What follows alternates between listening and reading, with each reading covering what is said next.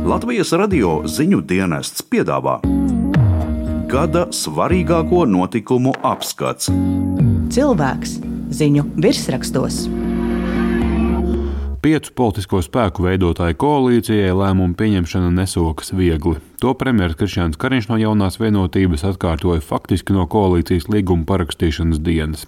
Sarežģījumi pieauga Covid-19 laikā valdībai saņemot pārmetumus par vienotas vīzijas trūkumu saistībā ar pandēmijas dēļ noteiktajiem ierobežojumiem un to pārskatīšanu. Taču tieši ekonomikas ministra Jāņa Vitsenberga pārēja no KPVLV uz Nacionālo apvienību un tam sekojošā demisija šopavasar noveda līdz koalīcijas turpmāko attiecību pārskatīšanai. Partijas KPVLV saimnes frakcijas vairākums nobalsojis par bijušā partijas biedra Jāņa Vitsenberga atsaukšanu no ekonomikas ministra amata, ņemot vērā viņa iestāšanos Nacionālajā apvienībā. Valdība lielu izmaiņu priekšā pēc ekonomikas ministra rakādēm var mainīties politiskie samēri vai pat viss ministru kabinets. Vakar izskanēja neoficiāla informācija, ka KPVLV ministru vietā varētu stāties pārstāvji no citām koalīcijas partijām. Valdība turpmāk strādās bez partijas KPVLV un piedāvās četrus jaunus ministru amatu kandidātus. Vitsenbergs sev pārēju uz Nacionālo apvienību pamatoja ar haosu partijā KPVLV, vairākiem tās kongresiem, atkārtoti mainītu valdi un pat nosaukumu. Turklāt KPVLV frakcija saimā sarakusi teju līdz minimumam, ko arī minēja kā pamatojumu KPVLV izslēgšanai no koalīcijas. Tobrīd frakcijas vadītājs bija Māris Možvillo, un tieši viņam valdības vadītājs paziņoja par KPVLV izslēgšanu no valdības un iekšlietu, labklājības un ekonomikas ministru amatu pārdeli pārējiem koalīcijas partneriem. Možvilo teica, ka džentlmeniski par sarunu aizkulisēm neizteiksies, taču neslēpja, ka aiziešana no valdības bijis atvieglojums. Zināmā mērā mēs pat izjutām gandarījumu, ka mūs palūdz iziet no valdības. Tā kopējā sadarbība nu, veda kaut kādā bezizējā, jo arvien vairāk un izteiktāk parādījās IKP dominants, kas gribēja panākt sev vēlamos rezultātus. Mēs arī zināmā mērā nodemonstrējām mugurkaulu, ka nepiekritām, ka Vitsenbergs pāriet uz Nacionālo apvienību.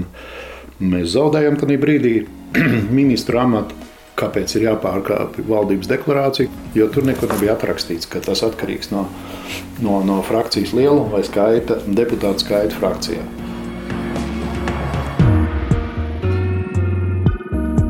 Pašlaik partija KPVLV ir pārdēvēta, un tās nosaukums ir par cilvēcīgu Latviju. Tās frakcija bija tuvu pašlikvidācijai, jo deputātu skaits ātri saruka līdz minimālajam, kas ir pieci. Šobrīd tajā atkal atgriezušies savulaik aizgājušie Karīnas Prūda un Aldis Gobzems, kuri gan pārstāv citu partiju. Gobzems arī iecels par frakcijas, kas nosauktu par neatkarīgajiem vadītāju. Tā esot bijusi Možvilo ideja, lai apvienotu spēkus partijas programmas izpildēji. Esot opozīcijā un tik mazā skaitā, to gan varētu būt pagrūti izdarīt. Savukārt Gobzema nesenās aktivitātes pilsētu ielās Možvilo neatbalsta un Elza Gubzēna publiskās aktivitātes ar nosaukumu Rododendrs atbalstījāt, izgājāt kādā no šiem pasākumiem kopā ar viņu? Es nē, ja cilvēks aicina uz kādiem pasākumiem, ir jābūt kaut kādam virsmērķim. Un, un, un tie rezultāti, kādi ir, tādi ir, nu, ko mēs redzam publiskā telpā. Arī esot vienā frakcijā, mums var būt dažādi viedokļi. Viņš, teiksim, viņš izvēlās iet ielās. Es savukārt strādāju ar dokumentiem, ar cilvēkiem, gatavoju priekšlikumus, gatavoju pieprasījumus. Partijas KPVLV pašlaik par cilvēcīgu Latviju reitings tirgus un sabiedriskās domas pētījumu centra SKDS ikmēneša aptaujās jau ilgāku laiku ir zem 1%. Tātad ļoti tālu līdz ievēlēšanai saimā. Nesenajās pašvaldību vēlēšanās no partijas rindām Latvijā ievēlēja tikai vienu deputātu.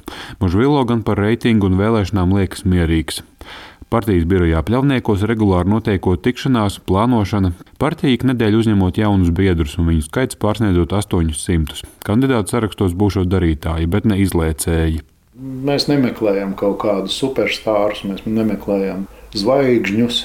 Šo zvaigžņu noturība pret eh, zvaigžņu slimību izrādījās diezgan eh, mazā līmenī, jo nokļūstot pie šī lēmuma pieņemšanas, iet vai neiet valdībā, zvaigžņi jau sāka katrs uz savu pusi lidot. Partiju reitingos jau ilgāku laiku lielākā burzma ir teritorijā līdz 5% robežai, kas jāpārsniedz iekļūšanai saimā.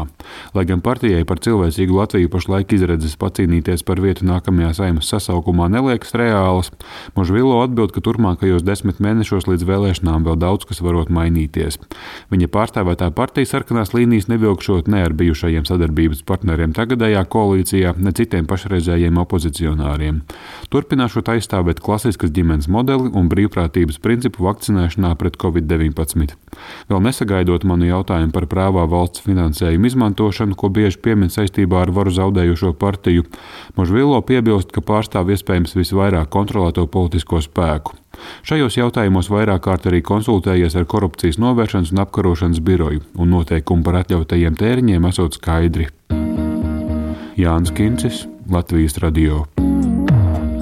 Cilvēks ziņu virsrakstos.